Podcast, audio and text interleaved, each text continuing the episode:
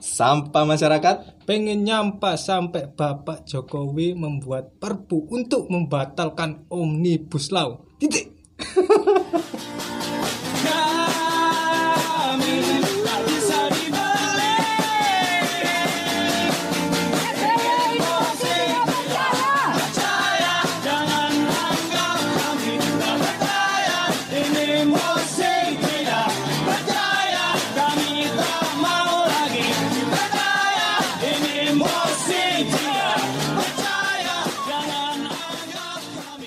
Cuk, cuk ngomong cuk. Lucu. halo, halo, halo. Selamat hari demo.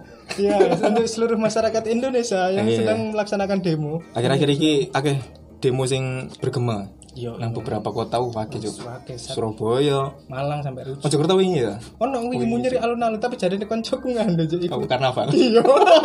Bajingan. Memperjuangkan hak kalian, guys. Mm-mm. Demonya. Hak-hak buruh. Bener akeh sing kontroversi sih emang teko omnibus law iki. Iya. Soalnya kan cari isu nih di masyarakat omnibus law sangat berbahaya bagi buruh. Hmm, bagi buruh. Dan akeh pisan pasal-pasal sing wis muncul sih.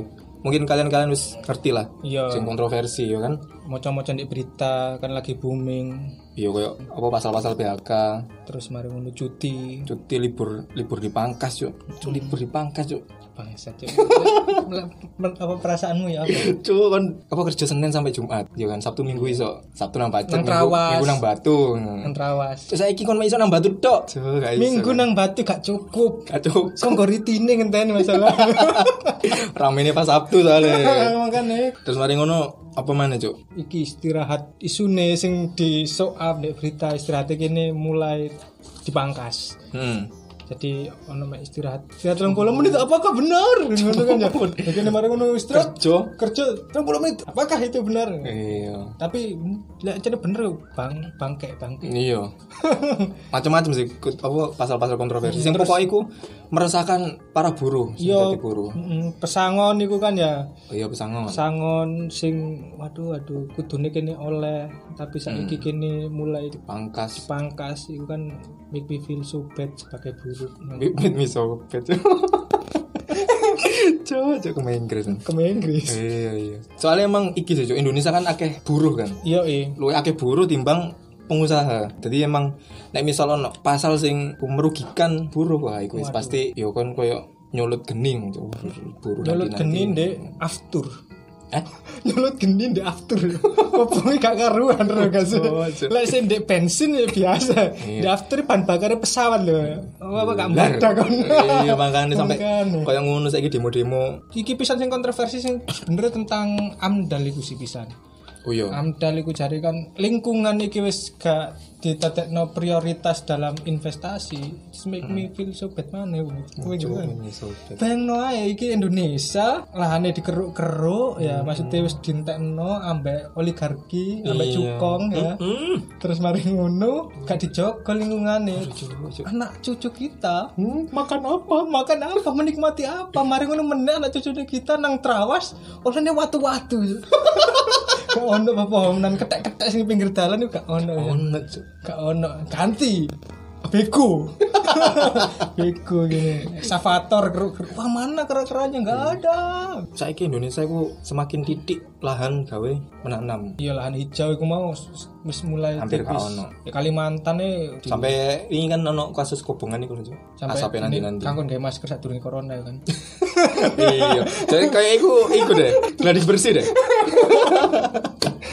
Tapi ini omnibus law, eh, omnibus, omnibus law cipta kerja itu mah kan tujuannya investasi investor dan mereka itu datang dan mereka membuka lapangan kerja kayak gini dan kita banyak menyerap tenaga kerja di Indonesia, di Indonesia. Soalnya kan krisis akhir-akhir ini salah siji jane kurang penggawean. Iya. Iku salah siji positifnya tuh kok omnibus law. Iya, tapi apakah memang seperti itu? Mm-mm. Apakah yang kita kritisi itu seperti itu adanya? Sekarang kita tidak ngerosting secara ini cuma-cuma ya. Ternyata setelah kita riset-riset Kutuk kita sing riset, Cuk. Oh iya, maksudnya kita riset ke rekan kita.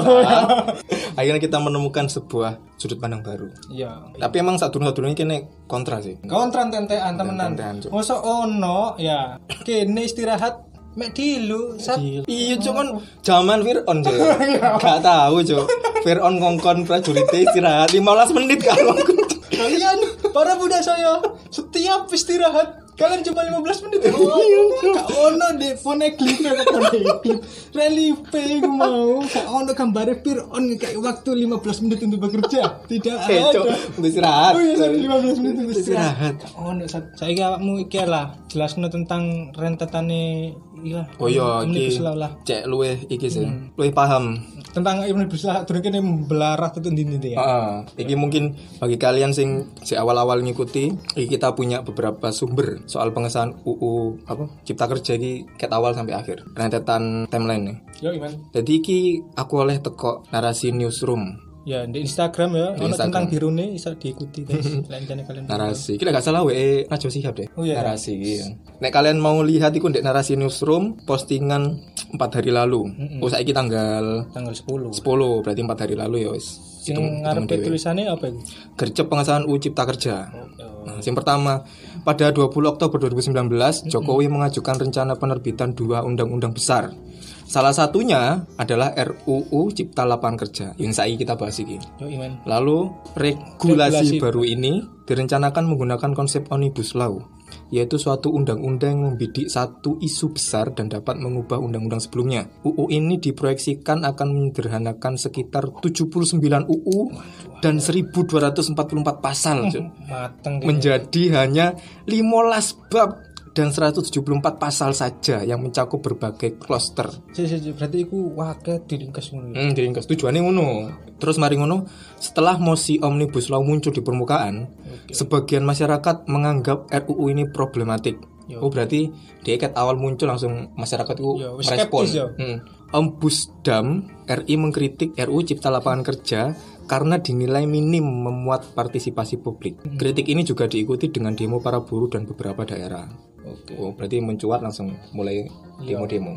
Soalnya iku mau alasannya kan Hmm, responnya cepat ya berarti masyarakat. terbaik kecil masyarakat. Kendati diprotes masyarakat, terutama para buruh, DPR tetap menggodok RUU Cipta Kerja dan melanjutkan RUU ini ke Badan Legislasi DPR pada 2 April 2020 untuk pembahasan tahap pertama. Oke, siap. April itu pembahasan tahap pertama, Cuk. Hmm. Lalu dua minggu setelahnya, Cuk, balik DPR sepakat untuk membentuk panitia kerja yang idealnya berfungsi sebagai penerima aspirasi masyarakat. Hmm. Masyarakat diaspirasi kan mbak balik ini. Hmm. Idealnya, idealnya berfungsi sebagai seperti Apakah itu. itu akan seperti itu? Mari kita lihat. Lalu saat pandemik memburuk, Presiden Joko Widodo memutuskan untuk menunda pembahasan Omnibus Law Cluster Kena- Ketenagakerjaan dengan dalih persiapan substansi. Wah, lah iki ya, iki menunda, tapi kok saiki cek wabah wis di sana aja. Cuk. Iya. Oh iya, ini kontroversi. Waduh, Iya, ini di ma- resano masyarakat yo. iki nunda tanggal piro sih? Tanggal piro gimana, Cuk?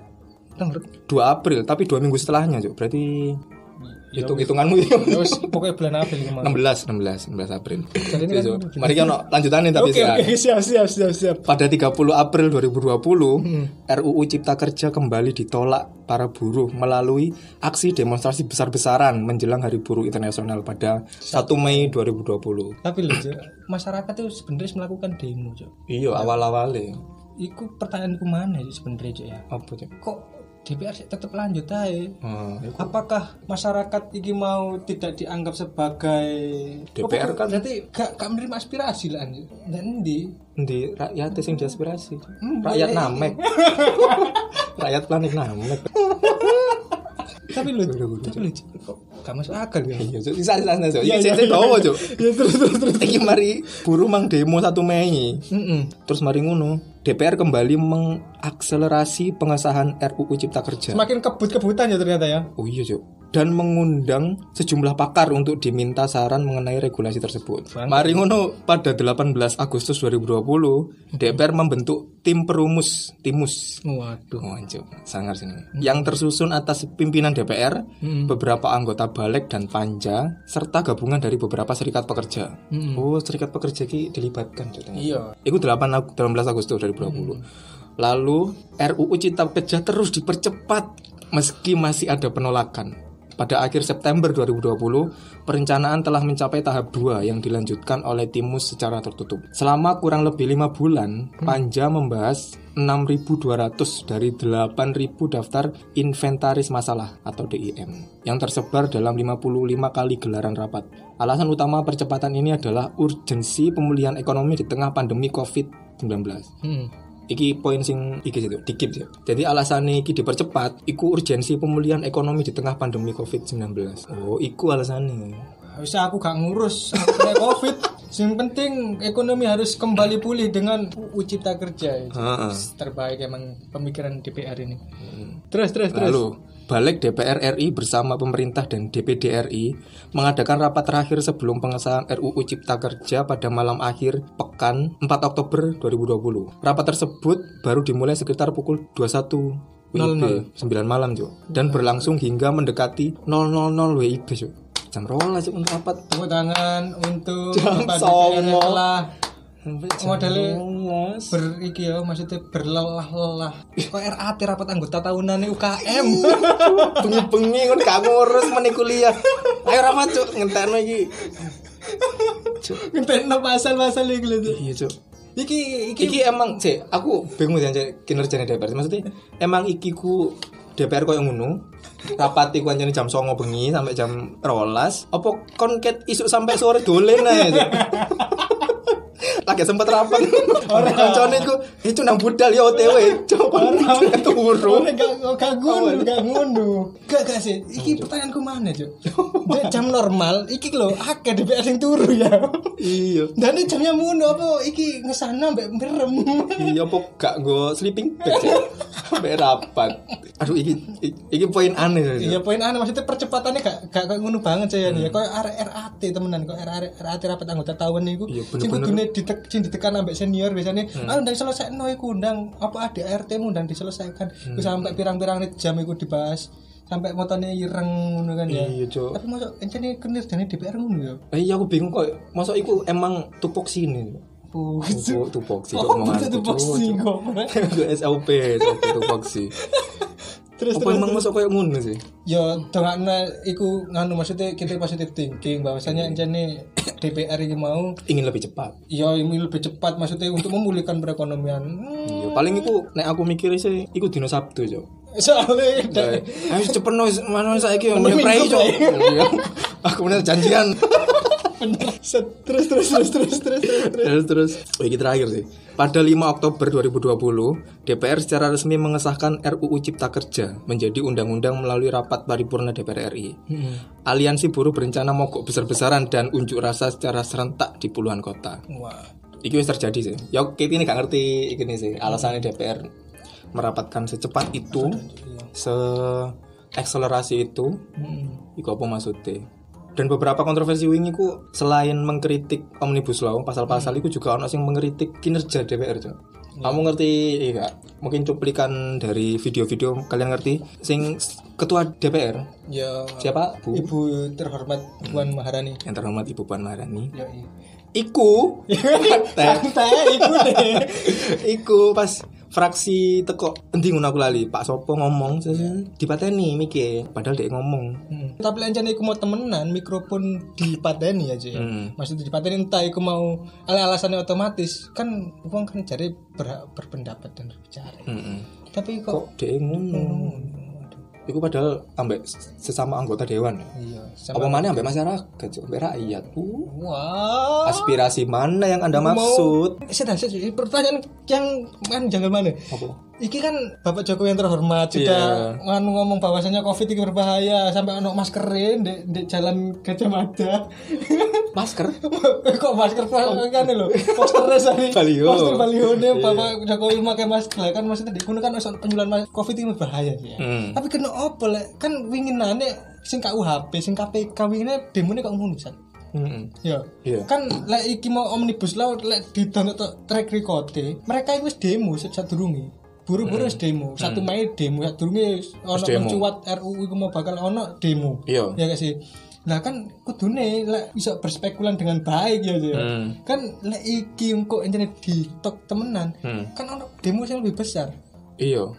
kayak emang mereka iku, iku kontroversi Cuk. Mereka iku pasti tahu dampak iku. Nah ya, Tapi opo kok sik kok malah di- diketok? Apakah COVID ini sebuah konspirasi?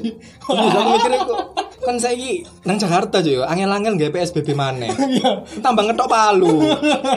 Tapi emang beberapa demo kemarin kan akeh sing teko beberapa kota iku DPD ini metu mengutarakan kalau misal emang menolak Omnibus Law juga. Tapi yo ono beberapa komen sing ngomong iku gak ngaruh sebenarnya. Emang iya. ya?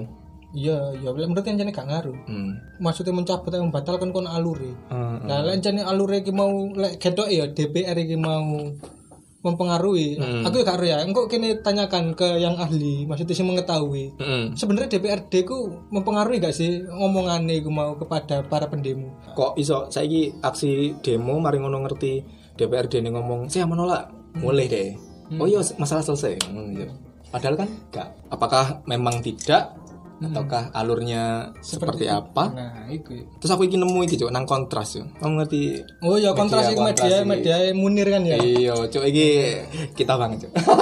Munir iku emang junjungan kita. iya, pro rakyat banget. Iki dia ngepost tanggal 4 hari yang lalu. Iku mengenai kejanggalan proses penyusunan UU Cipta Kerja. Hmm. Kejanggalan iku sebenarnya kena ono akeh sih. Cuma mungkin tak goleki sing poin-poin pentingnya. Nah, iki yang pertama iku DPR diam-diam tidak transparan dan tidak akuntabel.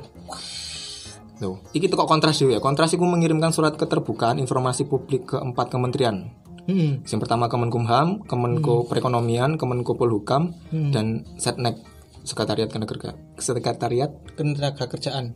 Sekretariat Negara. Oh, salah. Lalu, iki guna meminta draft Omnibus Law Cipta Kerja.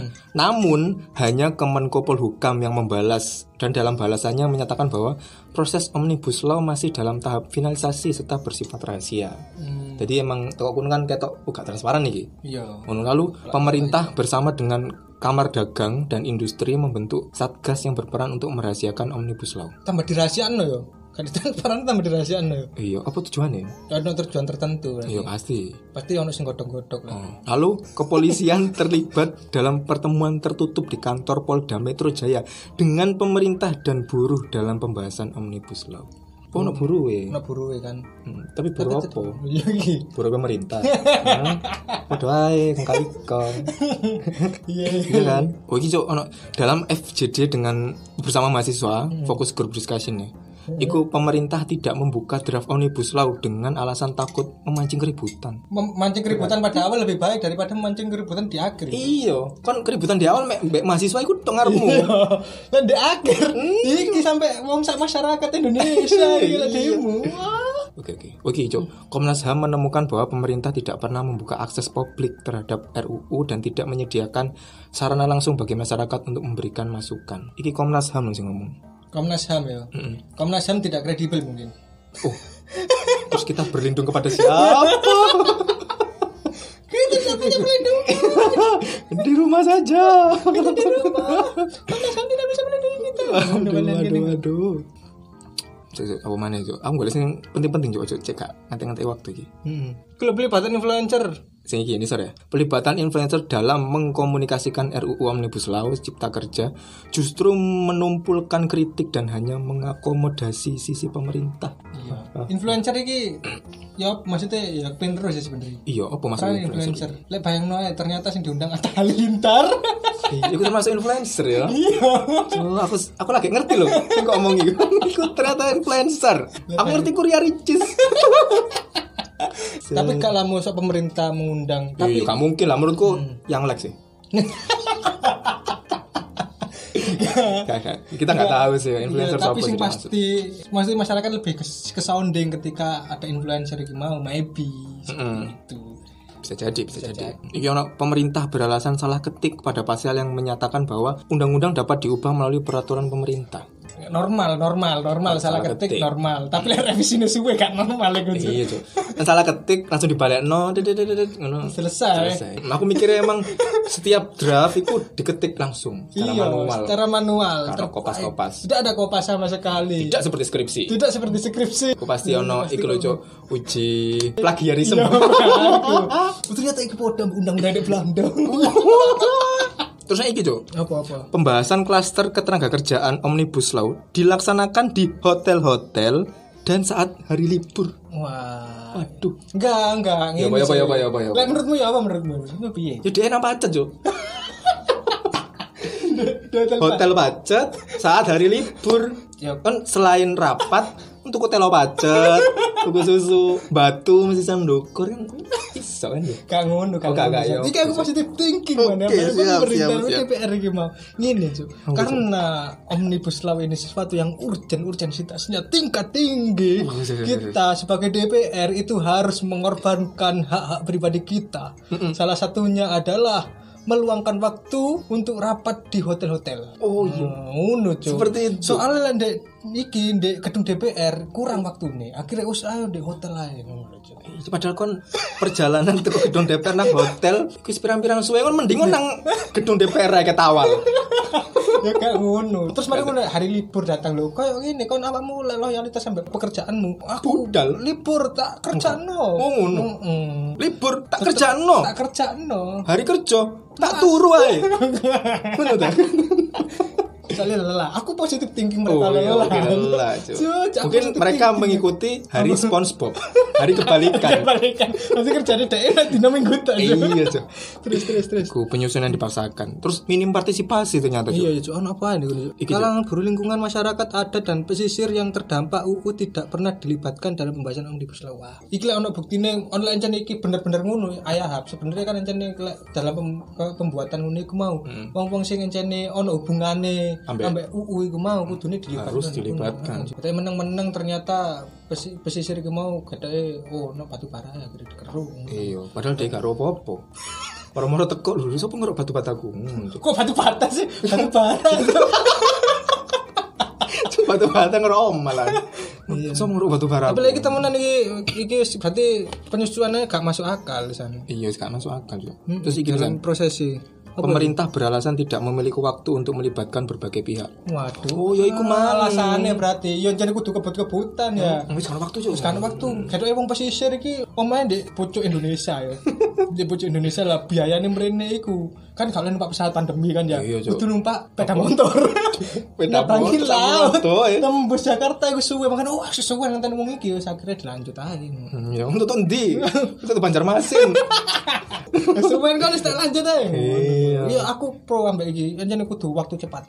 Oh iki Cok, mungkin rada penting. Pemerintah hanya membuka akses dan melibatkan asosiasi pengusaha tertentu, tetapi tidak membuka akses kepada publik secara luas. Prosesnya pun cenderung ingin dipercepat sebagaimana arahan presiden dalam 100 hari, 3 bulan, Cok. Kayak 100 hari Jaring matinya. ditunda. Ya Ditunda paling aku mek pirang jam dulu paling. Ditunda pirang dino. ya, tunda sampai engkau istirahat. Nah, Kemarin istirahat. Eh lanjut lanjut. lanjut. Tapi emang kan Sing pengusaha tertentu bisa jadi modelan ya. iya pengusaha tertentu, eh, tapi tidak membuka kepada pihak secara Sing duwe luas. premium card kata nih. Eh? Premium card. Iya. Sing kartu premium, oh oleh akses. Kon gak kartu premium gak usah akses. Anu jauh nih Yu-Gi-Oh. aku akses monster. aku aku akses monster teko Mesir yo. Fir'aun tak akses yo. Iki sing poin penting yang mungkin diresahkan pisan itu tidak berpihak kepada rakyat. Pemerintah telah gagal mencermati fakta yang terjadi di lapangan dan gagal pula mendudukkan masyarakat adat pada posisi yang tepat dengan memudahkan proses investasi. Jadi dia mengesampingkan masyarakat adat. Wes kita sudah aja merostingnya ini. Kalian kalau pengen membaca langsung aja di kontras update. Iya, wakil iki, Cuk.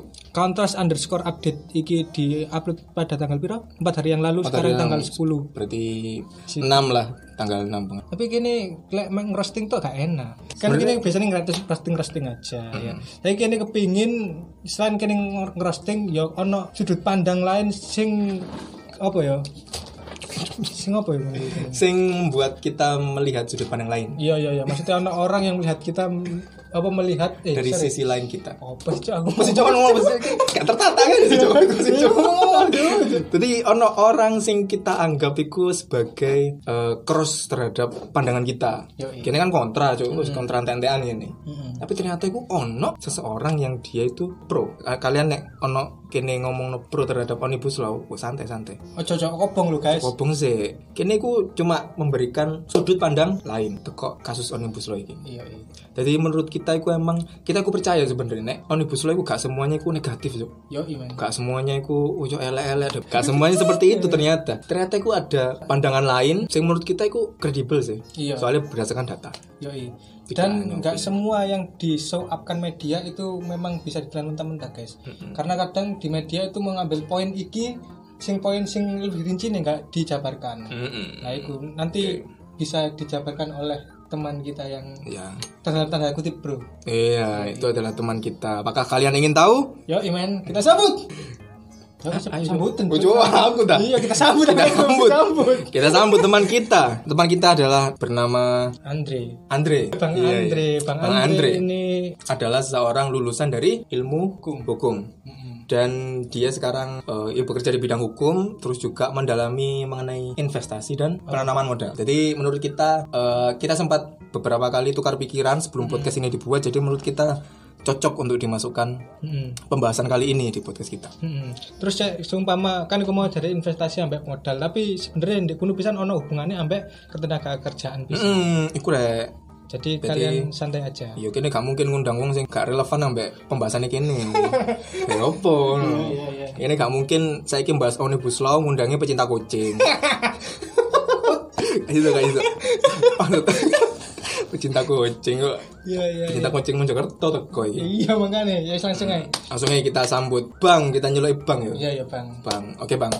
Ya, halo, halo. Ya, itu suaranya. Iya, guys. Kalian ingat-ingat suaranya. Jadi, Bang Oh, mungkin menjelaskan secara- omnibus law sih aku. Bisa Ya. apa boys? Jadi kalau secara umum, kalau boleh jujur nih, Oh, gak dari, da- dari saya sebenarnya Undang-Undang Cipta Kerja ini sebenarnya bukan cipta bukan cipta kerja, tapi percepatan investasi. Karena sebenarnya yang disorot fokusnya itu ada di investasinya. Hmm. Nah, kenapa?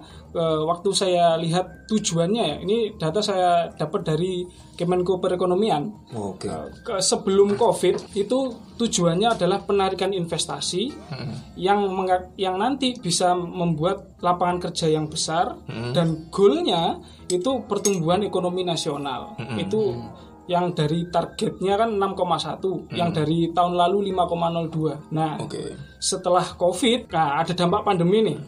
Jadi ada dampak ada dampak pandemi istilahnya dari berbagai sektor. Sebenarnya kita harus akui nih eh, penanganan COVID kita di awal itu memang telat dan lambat. Oke. Ya dulu kan kita tahu kan dramanya di awal katanya COVID nggak nggak mungkin sampai Indonesia. Mm-mm. Kayak jamu Nah. kan. Ya kan katanya gitu. Iya. Makanya eh, karena Covid itu karena memang perlambatan ya efek-efek daripada dampak pandemi itu itu kalau bisa lihat dari sektor ekonomi itu kita apa ya bukan dapat istilahnya kita terdampak kepada eh, eh, perlambatan ekonomi atau resesi. Kita tahu kalau di kuartal 1 kan kita kan masih positif. Di kuartal 2 sudah mulai negatif, kuar- kuartal 3 negatif.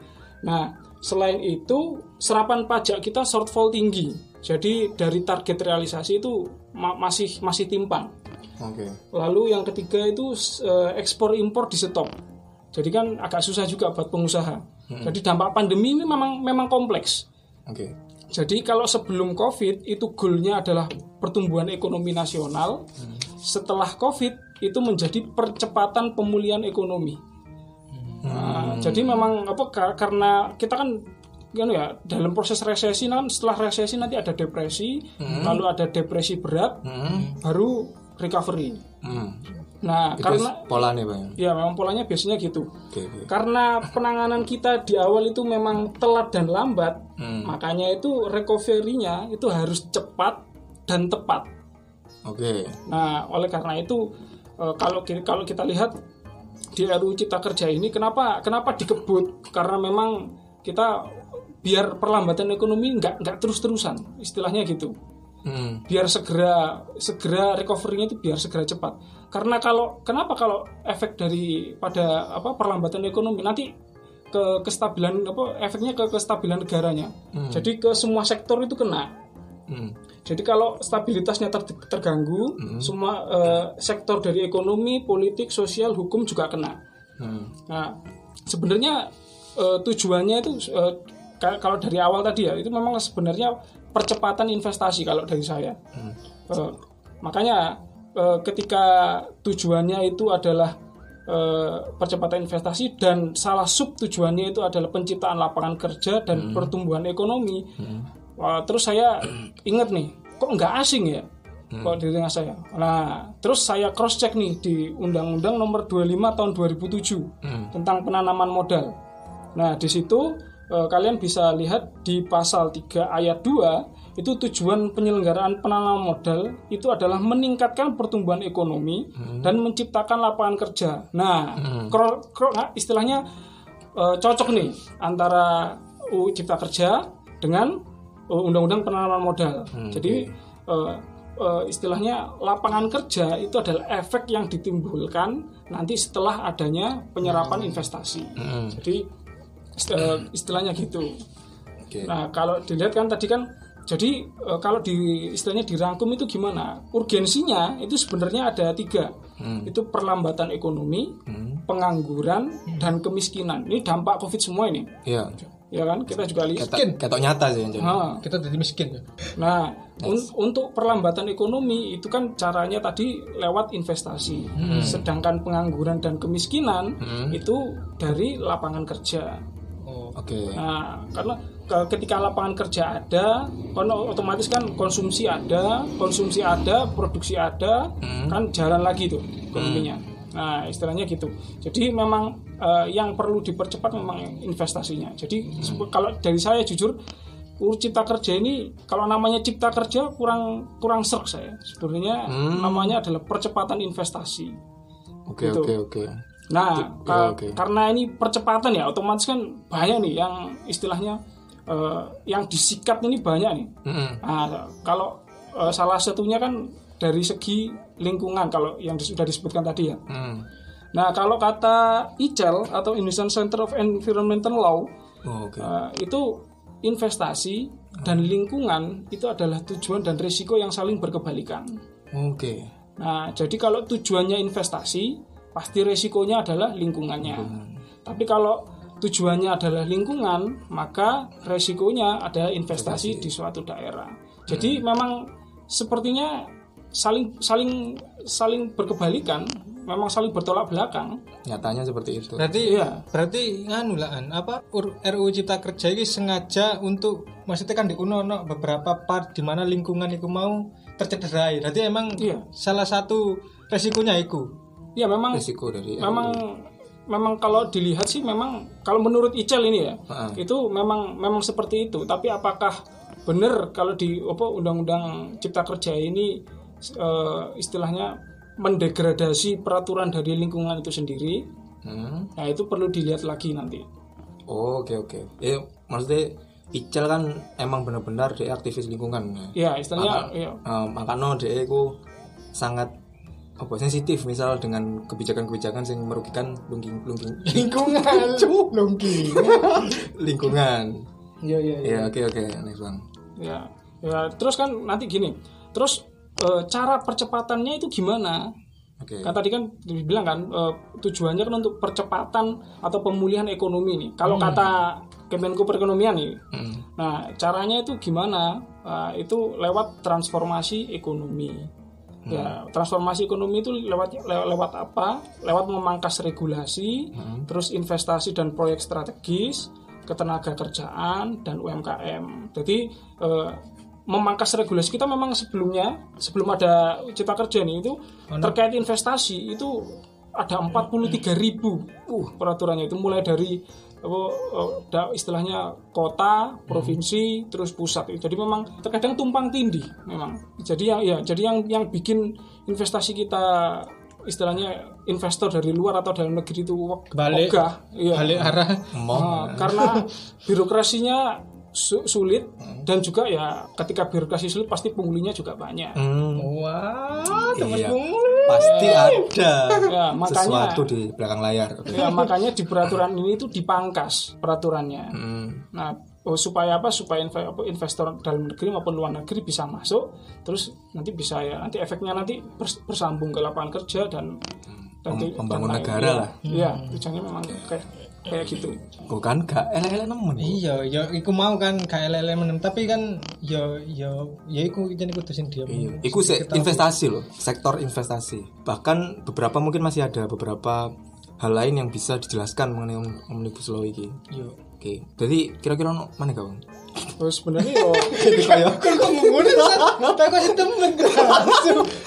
karo popo. Ono mana kak? Yo kasih yo anu kan iku mau dijelasin tentang investasi. Baru-baru iku udah ada gampang maksa kayak cerita kira kata ay. Asu ini kan Oke oke. Maksudku apakah ada hal lain dari omnibus law itu sing di dipikir positif ngono ta, ono kita ambil positif. positif asal jadi kawamu tuh sing tak kayak terus ya apa apa pendapatmu tentang ketenaga kerjaan Oh iya, heeh. maksudnya langsung Ini sing takut ya. Kok awakmu tentang apa baru tak kayak datang Nah, ngono. Gak apa-apa gak apa iki gak sedih, gak sedih kan yang iki cek enak seru. Iya iya. Baru kali ini kita dikoreksi sama narasumber. Iya iya iya. Jadi ngono. Gak ada emang kan aneh kan iku mau sono. Maksudnya gak gini loh. Ap kan iku mau sono investasi, maksudnya investasi investasi. poin-poin investasi terus marang ngono meningkatkan lapangan kerja di Indonesia. ya benar-benar Kita kerja iki mau kan dampak positif itu apakah ada dampak positif lain sing di luar aspek tersebut? Heeh. Maksudnya bangsat itu bang ngono. sebenarnya sebenarnya ya.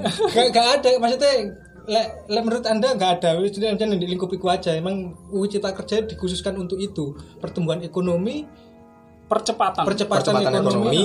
Hmm, lapangan kerja ya pengangguran hilang miskin hilang ah, miskin minimal hilang sulit gitu. kalau miskin Iya. Iya. miskin minimal pengangguran minimal ngono Iya, pokok iku sing digaris besari sih. Pokok sajane omnibus law iki han- untuk percepatan ekonomi, Iya. untuk uh, pemulihan lebih baik ya di karena masa dampak pandemi. Heeh. Cuma memang mungkin masyarakat itu ndeloke pos LA, sorry, negatif itu. Jadi kayak misal uh, UU sing iki merugikan buruh, wah gak gelem aku cuk, gak gelem ngono. tapi tapi kan encen iyo sih mari ini gini roasting mari ini ya kita tanyakan roastingan kita Iya. ke saudara bang ini ya Apakah Anda punya roastingan? ya iyalah pasti Pasti. Enggak kan iki mau kan jarene untuk untuk investasi untuk band tenaga kerja terserap terserap dan Oke. gak akeh pengangguran dan gak miskin. Yang pertama kali poin penting adalah yang pertama iku kan kalau emang tenaga kerja big band terserap kena opo?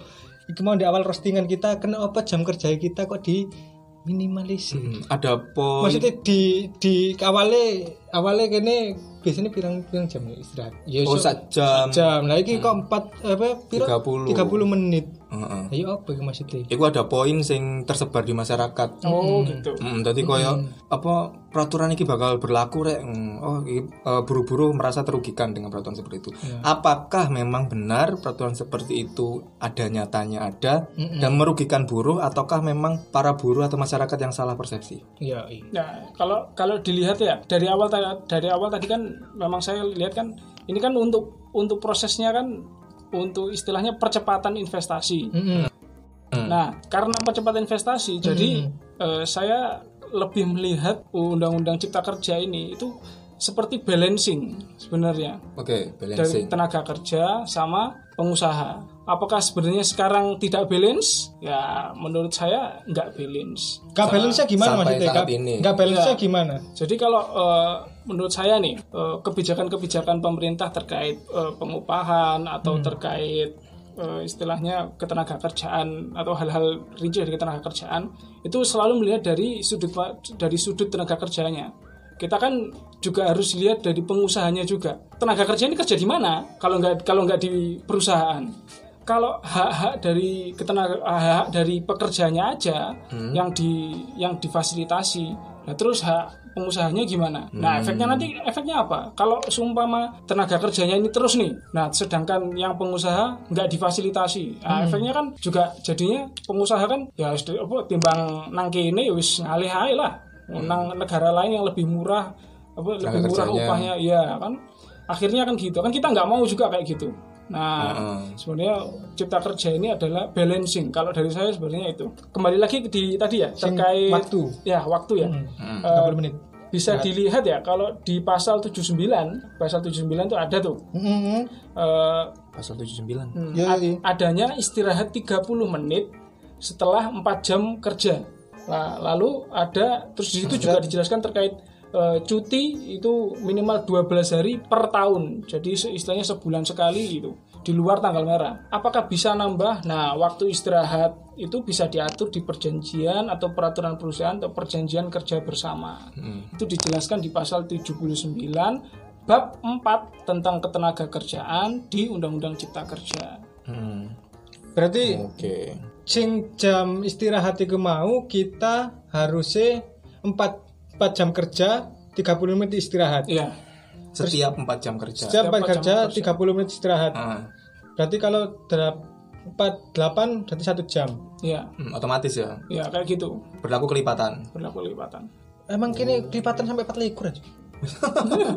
Kasih menurutku, iku nek memang peraturannya kayak ngono, berarti selama ini yang kita lakukan iku bener sih. Maksudnya sesuai iku kan saya iki kerja pasti 8 jam. Mungkin lebih lah.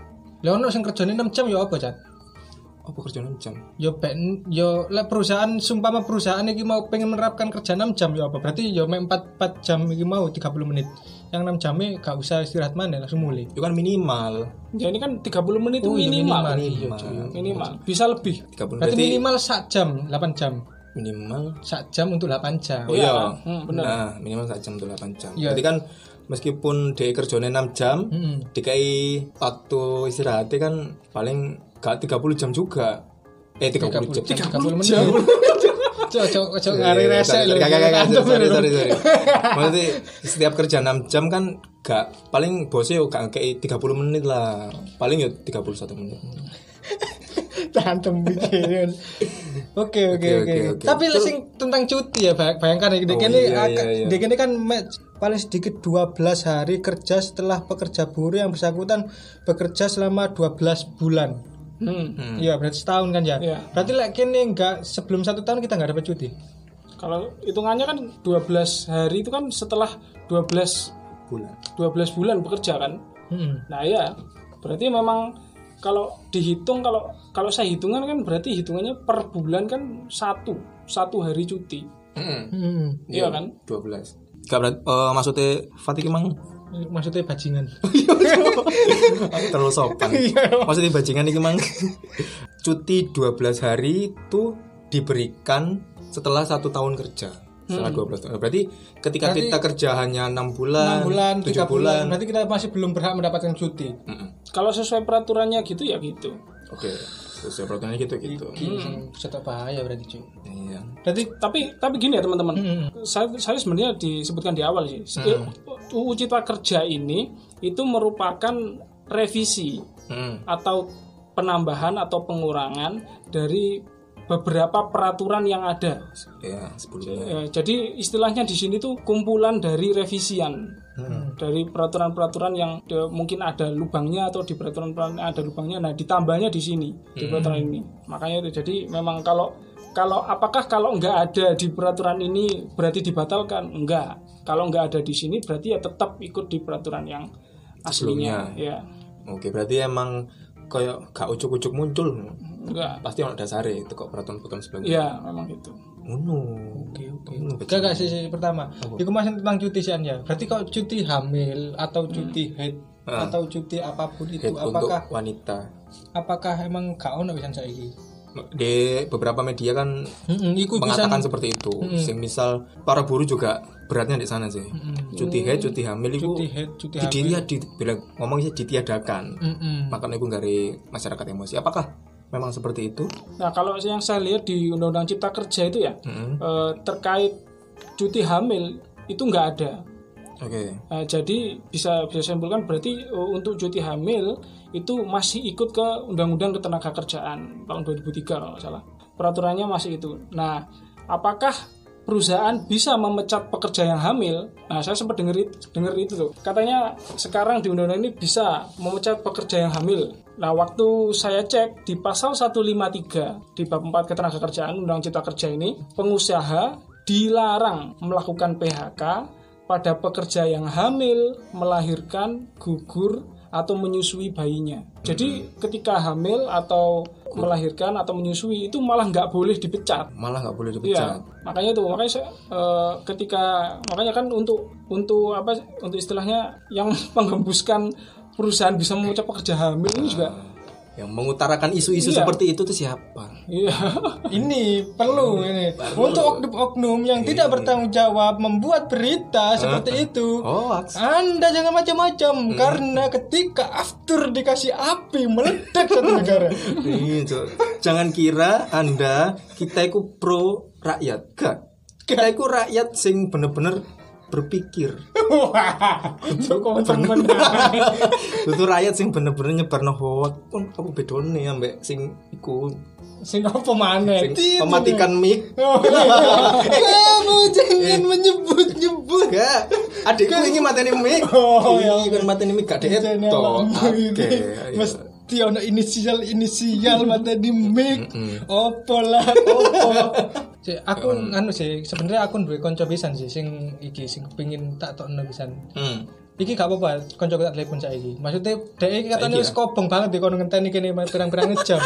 ben ku tak telepon maksudnya ben dhek kepengin mengutarakan tentang kontranya iki ben dhek menjawab ngono. Maksudnya Oke, me- oke. me- mengutarakan terus ben ini bang ini bisa menjawab ben Hmm. ono ono kelurusane ngono. Misalnya dhek iki emang aktivis, Hmm. eh yo yo aktivis yo arek arek mahasiswa hukum. Tapi Oke. dhek aktif banget di menyuarakan tentang Omnibus Law iki. Omnibus Law iki mau. Itu iki gak apa-apa Bang aku telepon arek ya Oke, mau baik. monggo monggo Jenenge Aini, ini Aini inisial ya. Oh, bukan nama Bukan sebenarnya. sebenarnya, tapi jangan kalian cari-cari nanti kalian bisa um, Ah, ini ah, ini. Aini HP-mu, Cuk. Iki, Oh iya iya iya iya. iya. Oke, kita telepon Ya Aini, ya.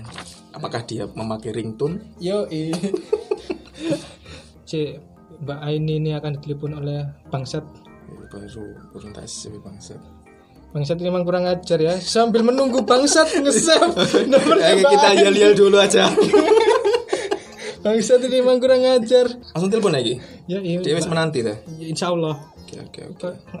Jawab insya Allah. Iku kudu iku iki nah. Nah. Yo, halo. Halo, dengan Mbak Aini. Halo dengan Mbak ini. Halo dengan Mbak Aini ya, iya Mbak Aini. Mbak Aini lagi di mana nih Mbak Aini? Mbak Aini. lagi di warung Oke. Oke, Oke, di di warung. paling nyambi paling ada ya. Udut, udut. Kudik mesti rasa. Oke, oke, oke. Mbak ini jadi kan di sini kami ingin eh kami men menapa ngerti ya.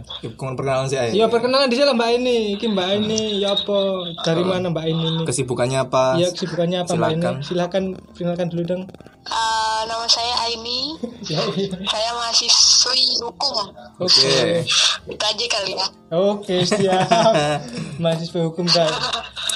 Lalu, lalu. Ya mari kan mau. Enggak gini sih. Ah, oke. Mbak ini kan aku tahu bahwasannya beberapa kali Mbak ini kan menyuarakan tentang kontranya terhadap Omnibus Law, ya gak sih? Apakah betul? Nah, se- ya bener Ya, nah sebenarnya, sebenarnya yang pertama kali aku pengen tanya sebenarnya menurut Mbak ini omnibus law itu seperti apa sih? Kita bahas dari omnibus law itu apa dulu ya Ya, Oke, oke. Jadi perlu perlu teman-teman ketahui omnibus law itu isinya adalah sekumpulan revisi dari undang-undang. Di dalamnya itu ada 79 revisian undang-undang. Hmm, oke. Eh, ada beberapa misalnya klaster klaster ketenaga kerjaan, terus ada klaster tentang lingkungan, ada juga tentang tata ruang, Hmm, dan masih banyak lagi kesehatan juga termasuk di dalamnya. Hmm. Oke. Ini udah masuk ke kontra apa belum sih? Iya nggak apa-apa, nggak apa-apa. Masuk langsung masuk kontra aja. Langsung aja, silakan, nggak apa-apa. Silakan, karena kita langsung to the point. Langsung to the point aja. Oke. Nah, jadi alasannya kontra itu ada beberapa, ada beberapa alasan. Hmm. Salah satunya adalah di situ eh, proses pembuatannya itu mengabaikan prosedur pembentukan undang-undang Hmm. itu yang diatur dalam Undang-Undang Nomor 12 tahun 2011 junto Undang-Undang Nomor 15 tahun 2019 tentang pembentukan peraturan undang-undangan. Oke. Jadi teman-teman kalau ada yang bekerja di bidang hukum atau kuliah hukum pasti tahu lah. Oke. Dan kita ada praktikumnya juga loh. Kalau mau bikin undang-undang kita harus bikin naskah akademik dulu. Hmm. Oke. Nah, apa sih naskah akademik ini? Ah, Naskah akademik ini isinya itu adalah tentang kenapa sih undang-undang ini atau pasal ini perlu diadakan uh, dan apa ur- urgensinya ini harus diadakan. Hmm. Itu isinya dari naskah akademik. Hmm, Sedangkan dalam proses pembuatan omnibus law ini, Hmm. naskah akademiknya dibuat barengan sama undang-undangnya. Coba bayangin kalau kita skripsian, Hmm. bab satu dibikin barengan sama hasil penelitian. Jadi istilahnya naskah akademik itu latar belakangnya, mas. Hmm. Oke oke. Di situ bab satu dia. Bagaimana secara logika misalnya kita bikin bab satu barengan sama hasilnya, padahal di situ kan baru aja dibikin tuh bagaimana misalnya kayak rumusan masalahnya baru dibikin. Eh tiba-tiba udah ada jawabannya kan dari situ aja sudah tidak memenuhi syarat kan, sudah cacat secara prosedural kan, Hmm. Oke. seperti itu Oke oke. sebelum bahas ke isinya. Oke oke. Terus juga dilakukan secara terburu-buru. Hmm. Oke. Prosesnya cepet banget loh. Yoi. Proses pembuatan ini Prosesnya betul sampai banget. satu tahun. Hmm. Oke oke. Katanya. Sedangkan di situ mencangkup 79 revisi undang-undang. Hmm. Apakah itu benar-benar dibuat dengan pembahasan yang eh, apa ya maksudnya serius nggak sih mereka bahasnya gitu loh. Selama ini DPR kerjanya kerjanya bagaimana? Kita bisa lihat sendiri kinerjanya. Kenapa ini bisa ngebut banget gitu? Oke. Hmm. Prestasi sebenarnya prestasi sih, tapi kayak kan ada pertanyaan kan di, di balik itu. Hmm. Terus juga di dalamnya ini kita belum masuk sub- substansi ya, kita masih bahas general. Hmm. Jadi di dalamnya itu banyak sekali nanti akan diatur kembali menggunakan peraturan pemerintah. Yo iya benar sekali. Hmm. Benar ya, kalau Hmm. yang baca banyak sekali. Oke. Dan menurut saya sih bukan bentuk penyederhanaan Oh, Oke. menurut saya karena dia butuh banyak sekali peraturan pemerintah dan uh, nanti misal ini ada juga sih kita kita masuk ke poin kedua aja di situ kalau yang udah baca pasti secara umum sepakat kalau di situ ada sentralisasi misalnya di undang-undang tata ruang Oke. eh di klaster tata ruang maksud saya Hmm. itu ada pasal yang dihapus Eh, mohon maaf ya nggak sempet ketulis pasalnya Ya. Oh, Oke jadi nggak di situ ada salah Bab, satu cek, wait, wait, bab, salah bab, satu bab, babnya yang yang klaster tata ruang itu bab, berapa, bab berapa ya? Ada ini Bab enggak? satu mas, klaster pertama. Oke, Klaster oke, pertama. klaster pertama. Kita juga lagi baca-baca sih. Di situ ada yang dihapus kewenangan dari kabupaten. Jadi izin-izin usaha itu jadi terpusat satu pintu. Oh, Oke. Termasuk juga masalah sentralisasi ini bisa kita temuin di klaster ketenaga kerjaan. Hmm. Mm-mm. Jadi semuanya tuh dikembalikan ke pusat satu pintu kita ke pusat. Memang secara apa namanya, secara kasat mata kita bisa lihat oh itu penyer- penyederhanaan. Jadi nanti misalnya biar nggak ada pungli, biar nggak ada KKN dan sebagainya. Oke. Tapi kalau kita lihat lebih jauh lagi, Hmm. ini sebenarnya bahaya loh operasi kita. Ya, ya, ya. Apa urgensitasnya Untuk kalau dari pusat? Itu mas karena eh, nanti misalnya dia udah jadi satu pintu nih di pusat. Yo, yo. Hmm. pengawasannya akan lebih susah dan dia cuma dipegang oleh satu orang. Oke. Kepala pemerintahan siapa sih? Presiden. Iya, Jadi iya. semua izin, bayangkan semua izin itu dipegang oleh satu satu satu pintu aja Satu gitu. pintu. Pengawasannya akan lebih susah dan ini berpotensi untuk terjadinya kesewenang-wenangan. Kalau misalnya teman-teman masih belum ngeh tentang sentralisasi, mungkin bisa baca-baca lagi tentang pas waktu Orba. Karena banyak sekali peraturan perundang-undangan yang sifatnya sentralisasi itu pas waktu Orba. Itu dan juga Ya. eh, yang perlu teman-teman tahu berbeda dengan undang-undang, undang-undang itu kan dibentuknya antar dua pihak kan. Jadi Hmm. Hmm. bisa diajukan oleh DPR atau bisa diajukan oleh presiden nanti akan dibahas oleh itu jadi ada kerjasama antara pusat pemerintah dan legislatif dan eksekutif Oke. kayak gitu kalau misalnya undang-undang sedangkan peraturan pemerintah ini hanya butuh tanda tangannya presiden jadi dikeluarkan oleh presiden jadi itu kayak menguatkan gitu loh mas Oke. menurut saya ya jadi itu menguatkan lagi sentralisasinya jadi semua izin dan peraturannya tuh hitung aja semuanya keluar dari pemerintah pusat itu dulu sih mas mungkin Dulu, dulu dan sekarang ingin kembali seperti dulu ya. Hmm. Dengan omnibus law. iya Oke oke. Se- se- sebelum kita lanjut ke mana-mana, Ya. aku mau memperkenalkan dulu juga deh. Sebenarnya ini dari tadi selain aku, aku si bangsat, eh si bajingan dan si bangsat. di sini juga ada ini Bang Andre, di mana Bang Andre ini adalah apa? Orang yang bekerja di bidang hukum dan dia Juga lulusan dari ilmu Ah, hukum ilmu juga. hukum juga. Nah, dan iki menekuni di bidang investasi dan modal.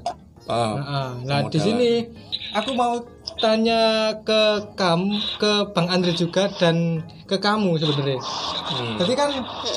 Ketika penyusunan itu mau wes wes gak wes gak wes gak sesuai prosedur. Nah, Oke. ketika gak sesuai prosedur apakah memang bisa dijalankan? Apakah emang bisa disahkan Sa- sampai saat ini kan su- sumpah gak sesuai prosedur harusnya kan nggak bisa di Diketok palunya. diketok palunya. Tapi kok sekarang bisa lho. Nah, menurutmu gimana? Emang nggak bisa harusnya ya? Berarti UU yang hari ini kita proteskan ini sebenarnya semu atau gimana? santai santai santai bagaimana mbak ini Aku tadi. Iya iya, Iya. kamu dulu, kamu dulu, kamu dulu. Kamu dulu, kamu dulu, gak apa-apa. Eh, jadi misalnya kayak terjadi cacat prosedur Ah, atau cacat misalnya prosedur. substansial itu kan sebenarnya bisa digugatkan ke MK oke secara hukum ya. Hmm. Tapi untuk secara politik kalau kita udah ngomongin hukum itu pasti ditunggangin sama politik. Jadi Oke. itu nggak bisa dipisah gitu. oke Sedangkan baru-baru aja di masa pemerintahan Pak Jokowi itu MK itu yang mengangkat adalah DPR dan Presiden. Hmm. Jadi teman-teman bisa menduga sendirilah independ independensinya gimana. oh Itu aja sih jawabanku pendek aja. Independensinya si MK ini akhirnya mikir ya. memihak antara Bapak Jokowi dan DPR bisa disimpulkan seperti itu. oke Ya, pasti ada campur tangan dari Ada campur tangan dari kedua pihak. dua hal itu dua aku aku nggak bilang sih, maksudnya Iya, aku iya. aku nggak menyimpulkan, aku nggak mau menyimpulkan tapi biar kita mikir bareng aja. Oke. oke nggak apa-apa ya kita bantu simpulkan makanya Oke, oke, oke. Kalau Oke, oke, menurutnya oke. dari Bang Andre gimana kalau ada kayak seperti itu? Apakah memang bisa? Apakah memang dari Mbak Aini ini tadi benar? jawabannya Eh, kalau sebenarnya sih kalau ada istilahnya cacat prosedur atau prosesnya ya itu nanti kan eh, karena sudah diketok nih berarti kan berarti kan memang memang sudah sah Hmm. nah jadi kita tinggal nunggu istilahnya nomor sama tambahan lembaran negara nanti baru kita bisa gugat ke MK oke. Nah itu kan istilahnya kalau di MK kan ada kayak judicial review untuk formil. Jadi kalau formil kan ada kan kalau digugat di MK kan ada formil dan material. Kalau formil itu prosedur atau proses kalau material itu ada isinya. Oke. Jadi nan- eh, kalau memang ditemukan adanya kecacatan di situ ya nanti nanti bisa digugat ke MK Hmm. lewat eh, itu lewat judicial, judicial review. Nah tapi kalau ditanya lagi tentang independensi dari MK itu sendiri, Hmm. ya, ya kalau saya saya masih percaya lah MK MK itu independen. Karena Oke. iya Karena kenapa? Karena apa? masih percaya MK karena ketika, ketika hal seurgent ini nanti nantinya kan naik ke MK. Oke. Nah, nanti naik ke MK terus disorot media. Itu kan istilahnya sebenarnya senj- senjata senjata paling ampuh eh, istilahnya rakyat atau masyarakat kan media. Hmm. Nah, kalau kita kan juga sama-sama mengawal dan mengawasi. Nah, itu kayaknya akan akan berbahaya jika istilahnya putusan yang nanti yang dikeluarkan itu sangat sangat kelihatan poli, ada politikalnya. Oke, berarti menurut Bang Andre ini Masih tetap bisa ada kemungkinan omnibus law, ah, independensi dari MK. MK. dan tetap ada kemungkinan bahwa omnibus law ini akan apa ya ditiadakan Iya, dengan independensi MK, MK tersebut. yang Ah. ya seperti Bang Andre Oke, bilang. oke, oke. Gak, gak.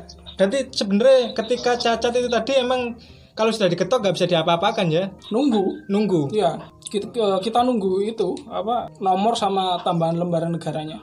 Oke. Tapi kan di omnibus law iki mau kan memuat beberapa poin sing kontroversi. Hmm. Lah menurut Mbak Aini sendiri sing sing kontroversi ada di sebelah mana aja sih?